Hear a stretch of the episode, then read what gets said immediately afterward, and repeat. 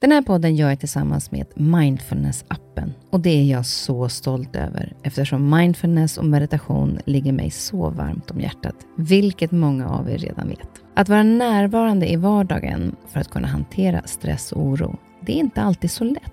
Då kan man ha mindfulness-appen nära till hands för att hjälpa dig när du behöver. För mig kan det vara så till exempel när det gäller sömnen, att vissa dagar då har jag riktigt svårt att komma till ro. Framför allt när det är mycket med jobbet. Då brukar jag använda mindfulness-appen och avsluta dagen med en avslappningsövning för att sänka stressnivån. Det gör det så mycket lättare för mig att somna sen. Oavsett om du kämpar med sömnlöshet, stress eller bara behöver en stund för dig själv så har Mindfulness-appen verktygen för att hjälpa dig att slappna av och sova bättre. Appen är utformad för att passa in i din livsstil med korta övningar som passar även de hektiska schemana. Som lyssnare till Nyfiken på så får ni 40% rabatt på prenumerationen av Mindfulness-appen. Länk till erbjudandet ja, det hittar ni i poddens Instagram, kaspersen nyfikenpa. Eller så går ni in på themindfulnessapp.com kristin. Du lyssnar på en podd från Perfect Day.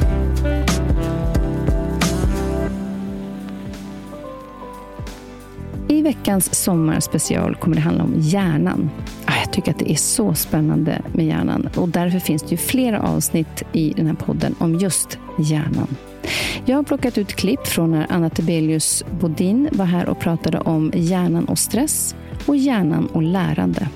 Dessutom möter vi Anders Hansen som var här och pratade om depphjärnan. Om vi lär oss mer om hur vår hjärna fungerar så lär vi oss mycket mer om oss själva och vårt beteende. Först ut är Anna Tibelius. Då kommer vi till de här två sakerna som jag är lite extra nyfiken på. Ja. Och Det har ju då, kan ju ha att göra med mitt eget beteende, men också någonting som jag upplever runt omkring. Mm. Och Det är ju då stress. Mm. Ett ämne som eh, oftast pratas om i eh, arbetsmässigt, ja. även att man är stressad hemma. Vad är det som händer i hjärnan vid stress? Ja, det är ju mycket som händer när vi blir stressade. Också, man kan prata om det här på så många olika nivåer. För vi är ju egentligen skapta för stress. För Stress är ju en indikation på att vi är utsatta för fara. Och upplever vi att det finns ett hot mot livet, oftast då enligt våra förfäders eh, levnadsförhållanden, så skulle vi ju bemästra situationen. Vi skulle ju ta hand om situationen på det sättet som att vi skyddar oss helt enkelt. Och hela kroppen och med hjärnans hjälp gör ju, eller har ju ett reaktionsmönster utifrån hur ska vi rädda livet på oss själva när vi är utsatta för det här hotet. Och Det spelar ingen roll att vi idag lever i en helt annan miljö och det som stressar oss inte alls normalt sett för de allra flesta av oss i dagligdags är ett hot om, mot livet. Utan hjärnan reagerar liksom som en drama queen med amygdala, som det heter i, spets, i spetsen för detta. Att sätta igång processer som helt enkelt ska rädda oss från det som hotar. Och Det är ju en väldigt fysisk reaktion. Så först så ska vi sätta igång det här adrenalinet då, och göra oss alerta och vakna på att agera. Och Det känner vi i hela kroppen. Vi känner ju pulsen ökar och vi får eh, svettiga eh, fingertoppar eh, för att vi ska ha friktion. Vi ska kunna klättra därifrån till exempel. Och alltså vi får en väldigt fysisk reaktion på, på stress. Och idag när det här inte hjälper, alltså vi ska ju oftast inte slå ner någonting eller springa ifrån någonting, utan vi, vi har ju men, mer mentala abstrakta problem som, som eh, byggs upp i, i vår tankevärld. Oftast kring saker som inte ens har hänt än. Och, och Det gör ju att adrenalinet hjälper ju inte. Vi får inte utlopp för det här. Vi, vi känner bara den fysiska reaktionen. Och när kroppens reaktion inte tar bort problemet så kommer plan, plan B in i spelet. Så att säga. Och då, då börjar även kortisolet att försöka hjälpa till.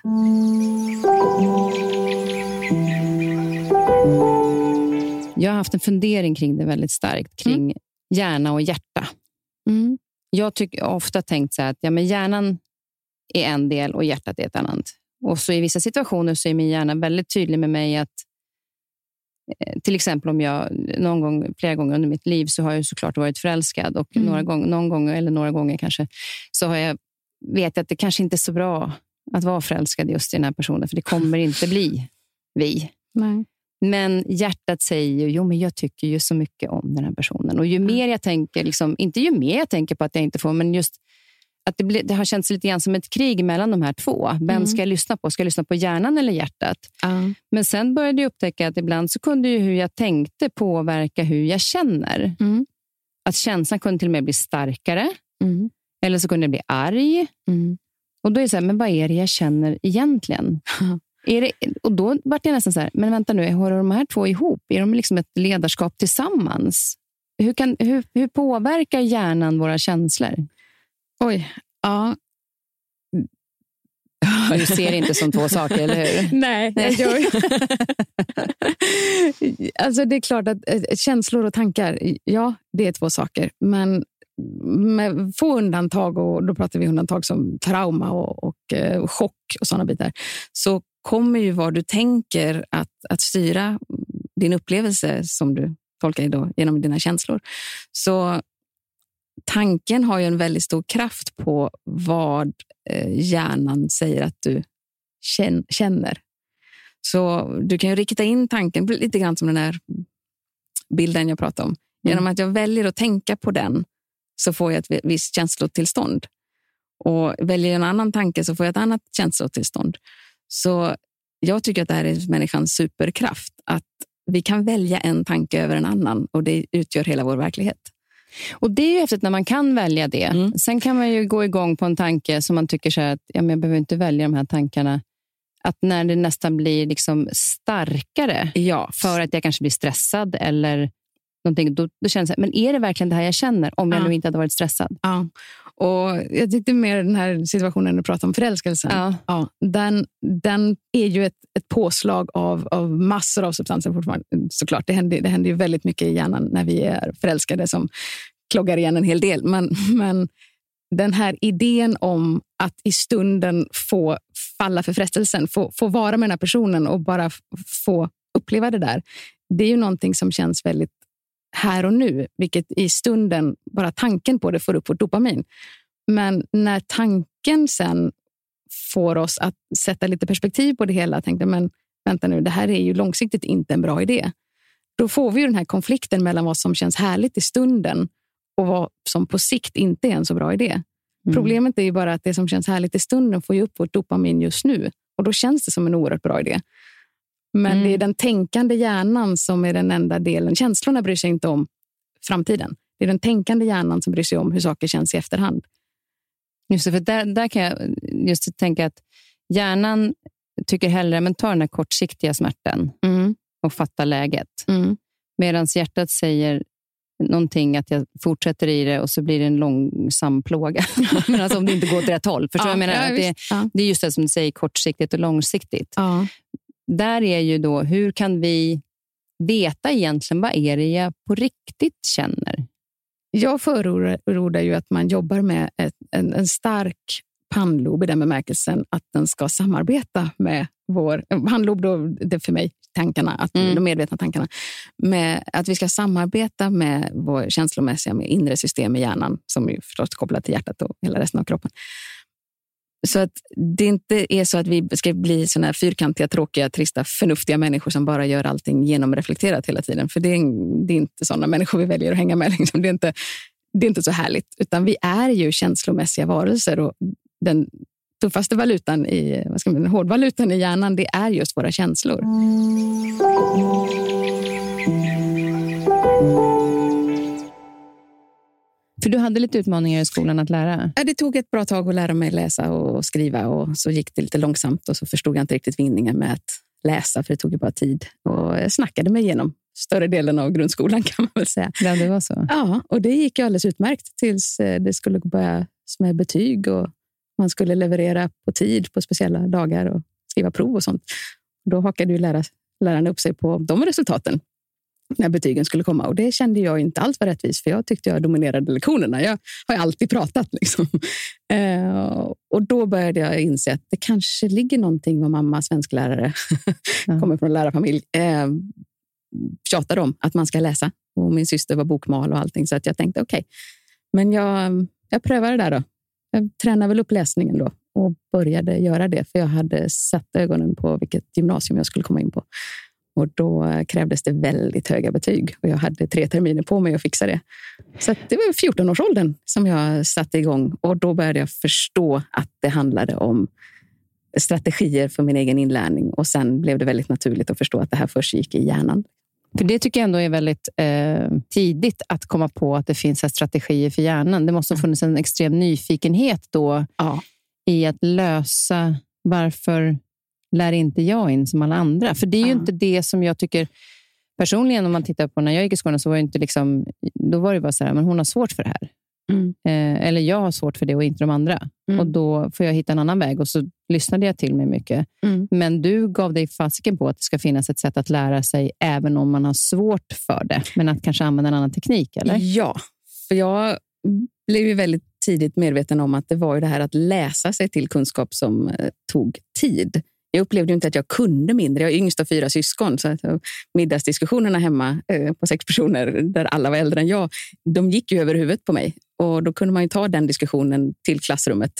Och Sen så tog man klassrumsdiskussionen hem till middagsbordet. Och Då kunde jag ju muntligt ta mig igenom ganska långt, vilket innebar att jag upplevde att jag kunde minst lika mycket som mina kompisar. Men jag kunde inte leverera det skriftligt och jag kunde inte ta till mig det så snabbt när det skulle läsas inför prov och så.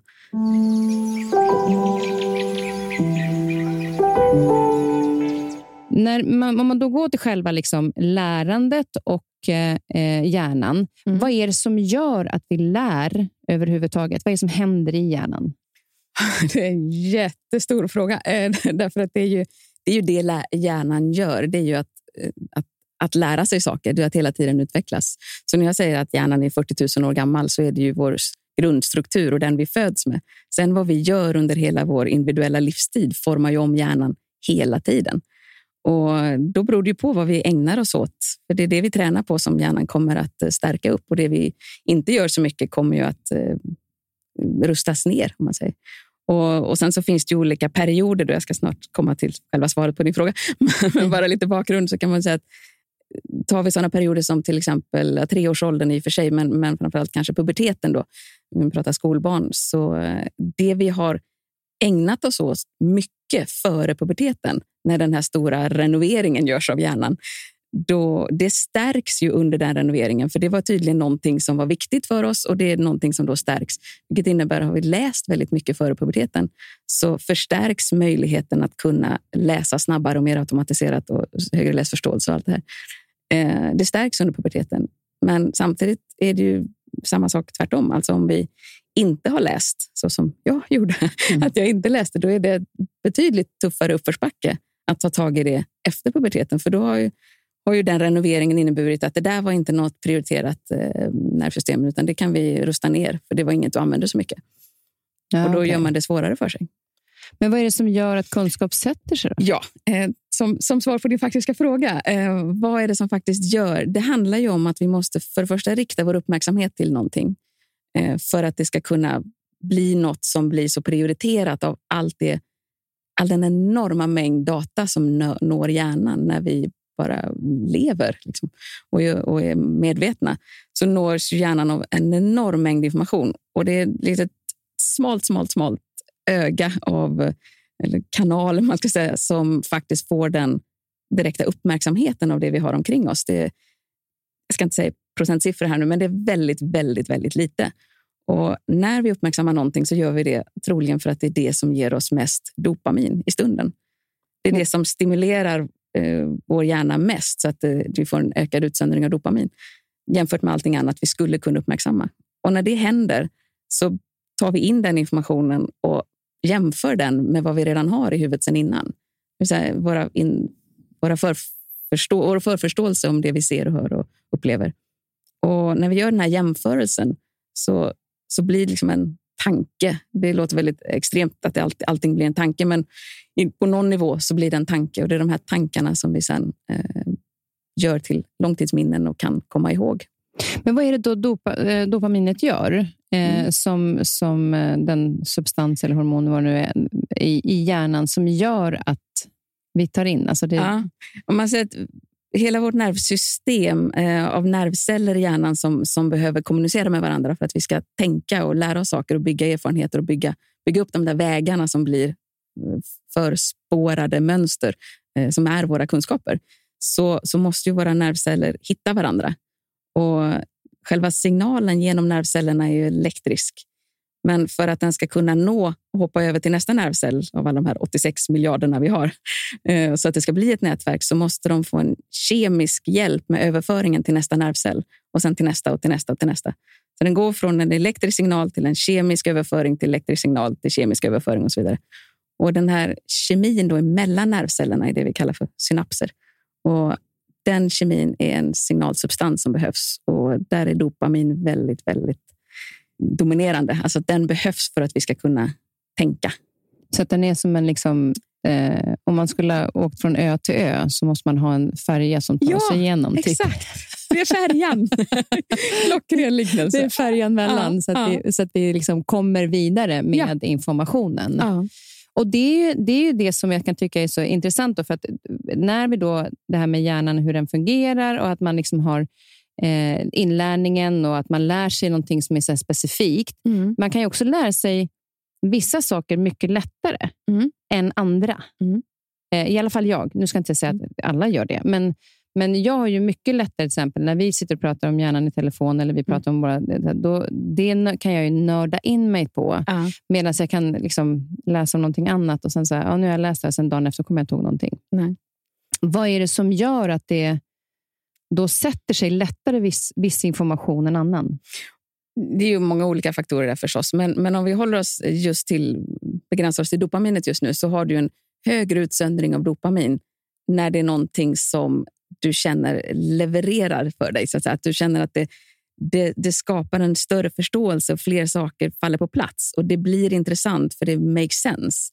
Och det, det fyller ett behov hos dig av någonting du är intresserad av. Du, du har ju ett behov av att lära dig mer om någonting du är intresserad av. Det är själva det som är att vara intresserad. Och När du får då de här pusselbitarna som liksom passar och får saker att bli mer meningsfulla, då blir du ett starkare nätverk. Det är ett pussel som liksom hänger ihop. Och, och Det i sig får ju att du, du ökar dopaminutsöndringen ännu mer. Och Då får du mer och mer transportörer av den här informationen och det blir starkare och starkare nätverk. Så att kopplingarna mellan nervcellerna blir ju eh, mer etablerade om, du, om de görs med stark utsöndring av dopamin. Men sen också pratade vi om det här med att, eh, vad vi inne på tidigare, att, eh, och lite grann var inne på det nu, att, att läsa in för att berätta. Du ja. brukar säga att du är pro producent istället för konsument. Ja. Och Hur kan man då göra dels med barnen? Att, mm. att läsa in det där, men jag ska inte förhöra dig sen, utan vi kan väl prata om det. Mm. För då kanske inte blir så här, nu ska jag få förhöra så tänk om jag säger fel. Nej, Utan vi kan väl diskutera det sen när du ja. har läst, vad du tycker om texten och så. Ja. Men, men kan man göra det själv? Tänker ja, jag, man pluggar? Det kan man ju. Alltså, jag har ju såna strategier när ska, man ska läsa en text. Och Istället för att läsa en text från första ordet till sista ordet och sen slå ihop boken och inte komma ihåg vad man har läst. Och så kommer man till skolan och säger men jag visste inte att vi skulle kunna det. Jag trodde det räckte att läsa. Liksom. Den, den kommentaren har alltid fascinerat mig. För jag tänker, varför, varför lägger man den tiden och den ansträngningen som den innebär att läsa en text om man inte ska kunna den?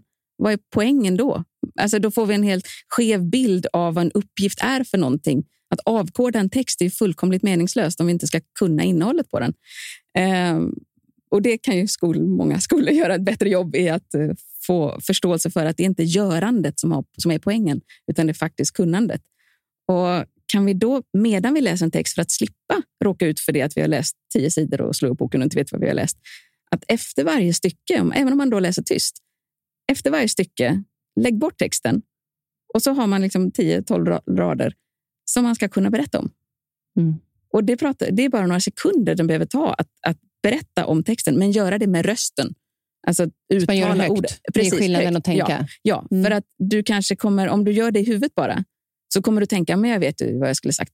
nästa stycke, men jag vet ungefär vad jag skulle sagt. men jag tror jag vet vad jag skulle ha sagt. Och så tänker man inte tanken klart, för huvudet behöver inte färdigt formulerade meningar. Eh, men det behöver ljudet, så att säga. Mm. Så att om man bara efter varje stycke lägger bort texten, och har man då inte någon förälder eller syskon eller hund som kan lyssna, så får man ju prata ut i luften då, vilket de flesta slutar också att göra, för det känns ganska märkligt för de flesta att prata rakt ut i luften. Så då slutar man med det också. Och då får man väl bara ta telefonen och spela in dig själv. Du behöver ju aldrig lyssna på det här. Det räcker ju att du bara pratar. Vikten av att du pratar är poäng nog. Nu ska vi lyssna på en låt. Vilken har du valt? Jag har valt en låt som eh, för mig... Ja, men den, den är så... Um, jag känner så mycket energi. Um, och sitter här och bara, apropå hjärnan, tappar bara namnet på We Are Young. Uh, We Are Young, tack heter den. Um, jag får så mycket energi av den här låten. Mm. Jag brukar spela den många gånger när jag har digitala föreläsningar som en upptakt innan jag sätter igång. Bara för att få människor i en skön stämning, apropå påverka deras biokemi när jag börjar. För den här uh, ja, den ger mig energi. Den är härlig. Ja, vad härligt. Men då avslutar vi med den. Och eh, tack snälla för den här gången. Du kom. Tack. Jag kommer säkerligen bjuda in dig igen. Ja. tack så mycket. Nu tar vi och fikar lite. Tack. I, need to get my story straight. My friends are in the bathroom getting higher than the Empire State. My lover, she's waiting for me just across the bar. My seat's been taken by some sunglasses, asking about a scar. And I know I gave it to you months ago. I know you're trying to forget. But between the drinks and subtle things, the holes in my apology. Det viktigaste jag fick, aldrig fick lära mig på läkarlinjen, det var att kroppen är inte utvecklad för hälsa. Den är utvecklad för överlevnad och reproduktion. Hjärnan är inte utvecklad för välbefinnande. Den är utvecklad för överlevnad och reproduktion. Och det som har tagit koll på oss, till exempel svält, det är, har skapat enorma starka drifter i oss som vi inte bara kan sopa bort enkelt. Och Det är det som gör att vi överäter. Och Det är det som också gör att vi fattar en del kanske vad vi uppfattar som märkliga beslut. Hjärnan är full av en massa buggar som i ett historiskt eller evolutionärt perspektiv oftast är smarta funktioner. Jag menar, varför går vi runt och ser världen som farlig kan man eh, fråga sig. Varför har människor ångest? Varför äter en dryg miljon svenskar antidepressiva läkemedel när vi har det så bra som vi har det? Vi har aldrig haft det så bra som vi har idag. Vi har aldrig levt så länge som nu och vi har aldrig varit så fredliga och friska som nu. Ändå mår folk dåligt. Och eh, Den frågan har jag tänkt på hela mitt vuxna liv och så har jag insett successivt att man kan inte se det här utifrån den värld vi befinner oss i utan man måste utgå från den värld som vi har varit i. Och Den har skapat vissa drifter och vissa drag i oss som vi bär med oss. Och tar man då, när man folk säger att de mår dåligt så menar de nästan alltid att de har ångest. Och vad är ångest? Ja, ångest, det bästa sättet att beskriva det är att det är stress i förväg. Om din chef skäller på dig, då är det stress, ett hot här och nu. Om du tänker, tänk om chefen skäller på mig, eller förra veckan skällde chefen på mig, då är det ångest. Samma system aktiveras i oss, alltså stresssystemet, men vid stress vid ett akut hot och vid ångest av något som skulle kunna vara ett hot. Så ångest är kort och gott stress i förväg och då är det så att hjärnan älskar att måla fan på väggen och tala om att saker är farliga. Därför att då har man klarat livhanken bättre. Vi är ättlingar till de som inte dog innan tonåren. De som såg katastrofer överallt, som planerade för det värsta. De hade bättre odds att klara livhanken. Och Det kallar man ibland för brandvarnarprincipen. Och det finns en liten del av hjärnan som kallas för amygdala som bland annat har till uppgift för att varna för faror. Och Den är utvecklad efter något man kallar brandvarnarprincipen. Och Det betyder att om brandvarnaren piper för att eh, man har bränt rostbröd så är det okej okay om den gör någon gång, för den får inte missa att pipa när det väl brinner. Och det här, Ett sätt att förklara det här är, så här att om du befinner dig på savannen eller var vi nu bör befinna dig och så prasslar i buskarna. Då kan du tänka att det där är nog ingenting. Det var nog bara vinden. Eller så kan du tänka det är ett lejon och så springer du därifrån. Om det visar sig att, det här, att du springer därifrån och så var det bara vinden, vad förlorar du på det? Ja, du förlorar 100 kalorier. Det är vad du gör av med, kroppen gör av med när man rusar därifrån. Om man däremot tänker att äh, det var bara vinden och så visar det sig vara ett lejon, vad förlorar du då? Ja, du förlorar 100 000 kalorier. Det är vad lejonet får i sig när han käkar upp dig. Så du förlorar ditt liv med andra ord. Så enligt den kalorilogiken då, då ska man slå på stresssystemet tusen gånger för att missa en lejonattack.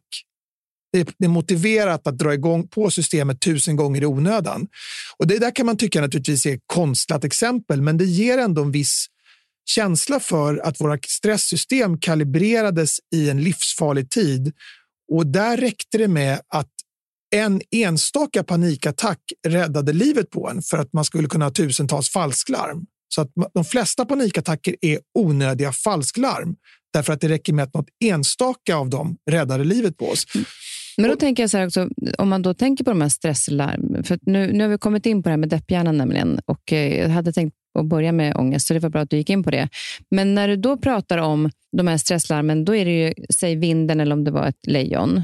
Men idag så kan det vara att man går är på väg över gatan så ser man en bil som kommer som man inte var beredd på. Det är ett ljud som låter. Det är ju så otroligt många kanske sådana liknande situationer som hjärnan reagerar på som stresslarm.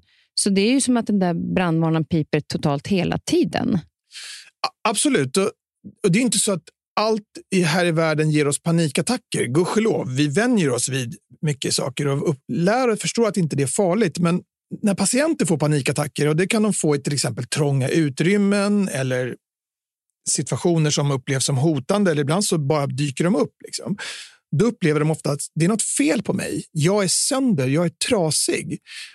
Och när man förklarar utifrån det här perspektivet att du är inte alls trasig, det är så att din hjärna gör precis allt den ska för att rädda livet på dig och den är utvecklad för att flagga för fara en gång för mycket än en gång för lite. En panikattack är oftast ett tecken på att man fungerar helt normalt, ett falsklarm. Och när en del av dem förstår det, inte alla men en del, då säger de att nu fattar jag, det är inget fel på mig. Jag är inte skadat gods. Och jag brukar säga ibland att ett par starka armar kan lyfta tunga vikter, ett par starka ben kan springa fort, men en stark hjärna är inte en hjärna som är opåverkad av stress, utan det är en hjärna som gör allt för att försöka rädda livhanken på en. Och den gör det genom att måla fan på väggen ibland, eller alldeles för mycket. Så att de flesta, uppfatt, att, att de flesta uppfattar världen som farligare än den, än den är, det är inte en bugg, utan det är en funktion.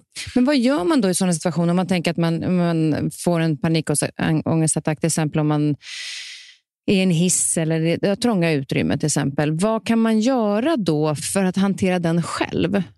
Precis. Så det, det man, första man kan göra är att man kan tänka på sin andning. Och då är det så att det finns två delar av nervsystemet som man inte styr med viljan. Och det ena kallar man för det sympatiska nervsystemet och det andra för det parasympatiska. Och då, parasympatiska och sympatiska aktiverar i oss ständigt. Det sympatiska är kopplat till kamp och flykt. Sticka iväg, gå till attack eller lägga benen på ryggen. Det parasympatiska är kopplat till lugn och matsmältning. Och Det pågår hela tiden en balans mellan de här systemen. Om jag håller en presentation på jobbet och blir stressad, då är det fördel för det parasympatiska. Om jag lägger mig i soffan och kollar på film och käkar chips, då är det fördel för det parasympatiska. De här balanserar hela tiden varandra. Det har visat sig att vår andning påverkar det här. Vid inandning så drar man faktiskt på det sympatiska parasystemet lite. Så inandning är kopplat till kamp och flykt. Och hjärtat slår faktiskt lite snabbare under inandning. Den ökar hjärtfrekvensen något. Utandning däremot, det är kopplat till det parasympatiska. Så utandning är kopplat till matsmältning och lugn. Men det är lite grann, åh, jag andades ut. Precis. När man säger så. Exakt. Och hjärtat slår till och med lite långsammare under utandning. Och Det här kan man faktiskt använda sig av då man får stark oro. Man ska ta några djupa andetag med lång utandning. Helst 5-6 sekunders utandning. Ett bra mål kan vara 4 sekunders inandning och 5-6 sekunders utandning. Det är långsammare än vad som känns naturligt, så man får öva på det några gånger. Men bara genom att göra det så är för många väldigt påtagligt om hur, att hur ångesten sjunker undan. Ett annat sätt som också visat sig vara effektivt är att sätta ord på det man känner. När man beskriver saker med ord så aktiverar man vissa delar av pannloberna, framförallt de rakt ovanför yttre ögonbrynet som man kallar för laterala pannloberna, alltså ut mot sidan, inte, inte mellan näsan utan ut mot sidan. Och De aktiveras när man till exempel när man besätter ord på saker. Så att, att beskriva sina känslor med ord. Nu känner jag en låggradig oro i magen som gör att jag och så vidare. Det aktiverar de här delarna och, och det blir man också lugnad av. Eh, så att, att för, träna sig på att sätta ord på det man känner och försöka vara lite nyanserad. Inte bara säga jag mår dåligt eller jag mår bra, utan lite mer nyanserat än så. Det är också faktiskt ett sätt att um, att hantera ångest och oro när den väl dyker upp. Jag, jag lyssnade ju på din bok bland annat när jag satt i bilen och körde till en föreläsning i Sandviken. Och Det var den första föreläsningen på jättelänge som jag hade eh, inför publik. Och så kände jag innan att så här, Gud, nu börjar jag bli riktigt nervös. Och Det brukar inte jag vara på det sättet. Och då hade du, Jag hade precis lyssnat på det här att jag skulle andas in fyra och andas ut sex. Ja. Så då testade jag det, en, typ fem minuter innan. Och Det var rätt coolt faktiskt hur det tog ner min, mina hjärtslag. Mm. Och sen det här du säger med att man, eh, där du pratade med om hur man kan hantera ångest på annat sätt genom att sätta ord på det. Det har jag, kan jag ändå uppleva kan vara ganska svårt. För att är det så att man kanske har eh, haft någonting tufft i barndomen som gör att man hamnar... Jag tycker inte om att vara i stora miljöer, till exempel bland människor. Ja, inte jag, men det finns de som, som ty inte tycker om det. Eller sitta på en middag med massor med människor. För att det kanske är någonting som är bakåt i tiden. Många lägger ju locket på för det som har varit och hellre undviker de här situationerna. Hur ska man få de personerna att våga prata om det? För det är kanske är någonting som också är jobbigt att hantera. Men det är viktigt att prata om det. Bra fråga. Jag, jag tror att om man förstår att hjärnan är utvecklad för att måla fan på väggen och se världen som farligare än den är, då blir det ett sätt att ta ett helikopterperspektiv på sig själv om du går i terapi, om du går i KBT eller psykodynamisk terapi eller vad det nu är, så kommer ett viktigt moment vara att du ska ta kliv från sidan och se på ditt känsloliv lite från läktarplats. Varför gör jag så där i vissa situationer? Varför är jag rädd för de här? Eh, eller varför tycker jag det är obehagligt i stora grupper och så där? Och det att se på sig själv utifrån perspektivet hjärnan hjälper en att ta det klivet till läktarplats det har jag märkt är värdefullt för en del. Jag har haft patienter som har sagt det är bara min amygdala som spökar när jag, inte, eh, när jag blir rädd. Och då blir de lugnade av det. Min kompis dotter ville inte ta en, hon är 11 och hon hade läst boken och hon vill inte ta sprutor. Och så sa han att när hon hade läst boken så kom hon och sa jaha, det är bara min amygdala som spökar pappa. och så tog hon sprutan.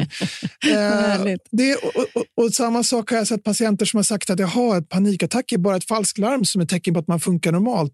Och då kommer attackerna mer sällan. Så att jag tror att förstå biologiskt att de här sakerna inte betyder att man är trasig. Det är ett viktigt steg. Och att man inte gillar att vara i stora sammanhang, det är inte alls särskilt konstigt för att vi har levt i små grupper och att träffa en massa okända människor är ansträngande, mer ansträngande för vissa och, och, och, det kan delvis bero på en barndom, men det kan också bero på en gener. Ungefär hälften av vår personlighet är satt när man är liten. Så att, eh, att förstå att man inte är trasig och eh, gör och att man, att man ska uppfatta världen som farligare än den är, det kan vara ett sätt att få en att utsätta sig för situationer som man kanske tycker är obehagliga. Mm. Med det sagt så tycker jag inte man ska göra våld på sig själv. Alltså om vi är introverta eller extroverta, hur mycket energi vi får av andra människor, det skiljer sig väldigt mycket. Och eh, Vissa tycker det är toppen mest. Jag har kompisar som inte klarar av att vara själva mer än några timmar. De blir helt vansinniga. Och själv så kan jag gå isolerad flera dagar utan att träffa någon. Och Jag tycker det är toppen och vi är olika. och eh, Man får bara acceptera sig själv utifrån vad man är. Och vissa saker måste man göra i livet. Man måste ta hand om sina barn om man har det eller man måste ta hand om sina anhöriga. Men det är väldigt mycket som inte är som måste. Jag tycker kanske att man inte ska tvingas in i någon mall på att man ska vara den som är, tycker om stora sällskap. Tycker man inte om det så tycker jag inte man ska göra våld på sig själv. Ärligt talat. Men det kan ju vara så att det varit en, an, en, någonting som har hänt som har gjort att det blir obehagligt nästa gång. Fast det kanske var en engångsföreteelse, men det betyder inte att det kommer att vara likadant varje gång. Så hur, för det är det jag menar med att där tänka till. att Vad är det som gör att jag känner så här? Men om man tar det du beskriver, så om vi säger att man har varit med om något traumatiskt, till exempel när man är liten, man har blivit utsatt för något eller bevittnat våld i hemmet eller något annat. Då skapar det väldigt starka minnen i oss. Och det är inte så konstigt. De sakerna som vi är med om som är hemska, de ska vi komma ihåg. Hjärnan är inte utvecklad för att må bra, den är utvecklad för att överleva och att minnas traumatiska saker är otroligt viktigt för då kan man förhoppningsvis undvika det igen. Men då är det också så att minnen är egentligen inte Minnens funktion är inte att komma ihåg vad som har hänt. Minnens funktion är att hjälpa oss här och nu. Minnen finns inte för att vi ska minnas vår barndom eller ha en historia att kunna berätta i en terapisoffa, utan de finns för att guida våra beteenden här och nu. Och Det man har kunnat se är att minnen uppdateras hela tiden. Om du tänker på din första skoldag så kommer faktiskt minnet av din första skoldag att förändras lite grann bara för att du tänker på det. Vi upplever minnen som Youtube-klipp, som något vi kan plocka fram, titta på och stoppa tillbaka. Men i grund och botten är de mer som Wikipedia-sidor som uppdateras av oss när vi plockar fram dem. Och Vi kan ta ett exempel. Om, om jag går i skogen och så kommer en björn så kommer jag undan och då kommer jag skapa ett väldigt starkt minne av den där händelsen. Och varje gång jag kommer tillbaka till platsen så kommer det väckas och så, därför att jag ska vara rädd. Och Det kanske till och med så att det, minnet väcks bara av att jag ser träd eller går i en annan skog eller något sånt där. Det är inte så konstigt.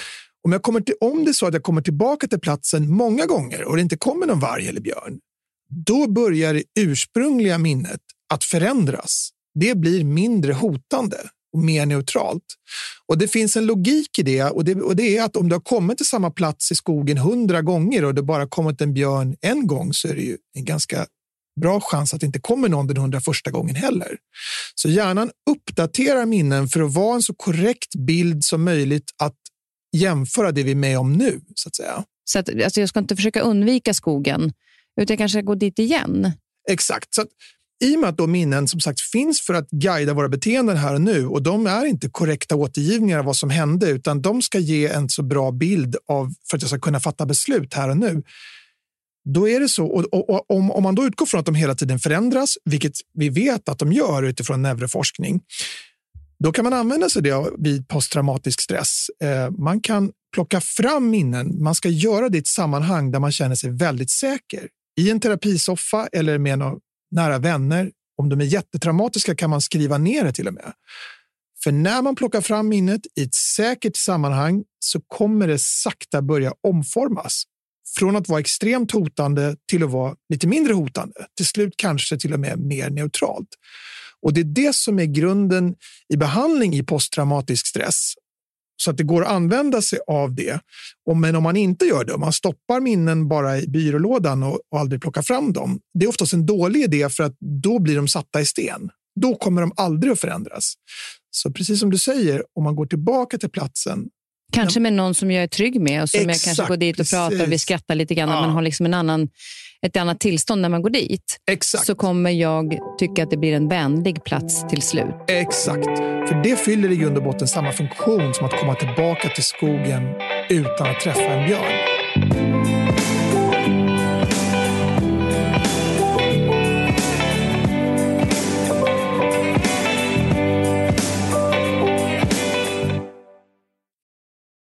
Men det är så roligt, för vi jobbade ju för många år sedan på Vardagssport. Många år sedan, jag vet inte, det var så, sju, åtta år sedan kanske?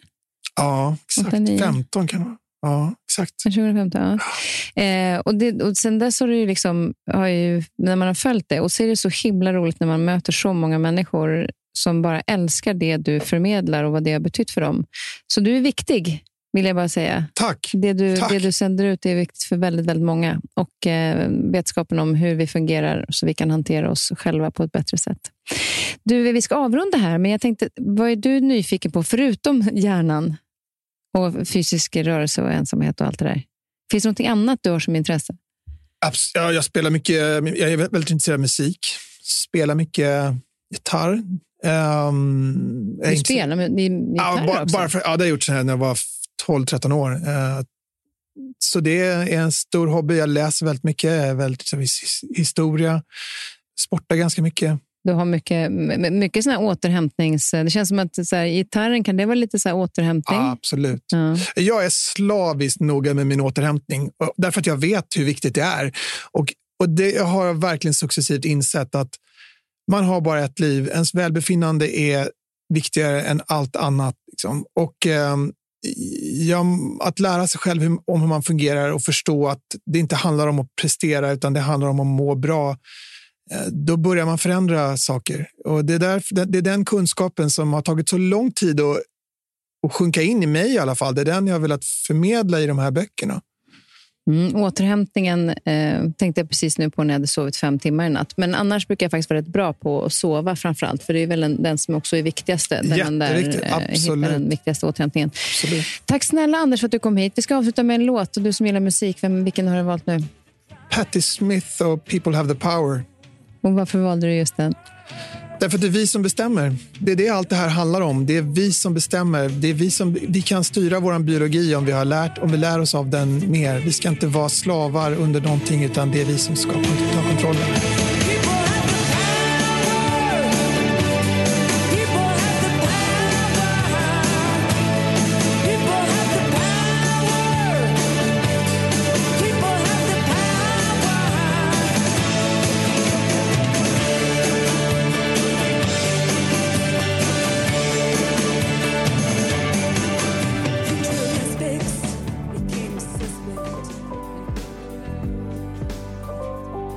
Vill ni lära mer om hjärnan så hittar ni avsnitt i sin helhet där Anna Tebelius Bodin pratar om hjärnan och stress. Det är avsnitt 3.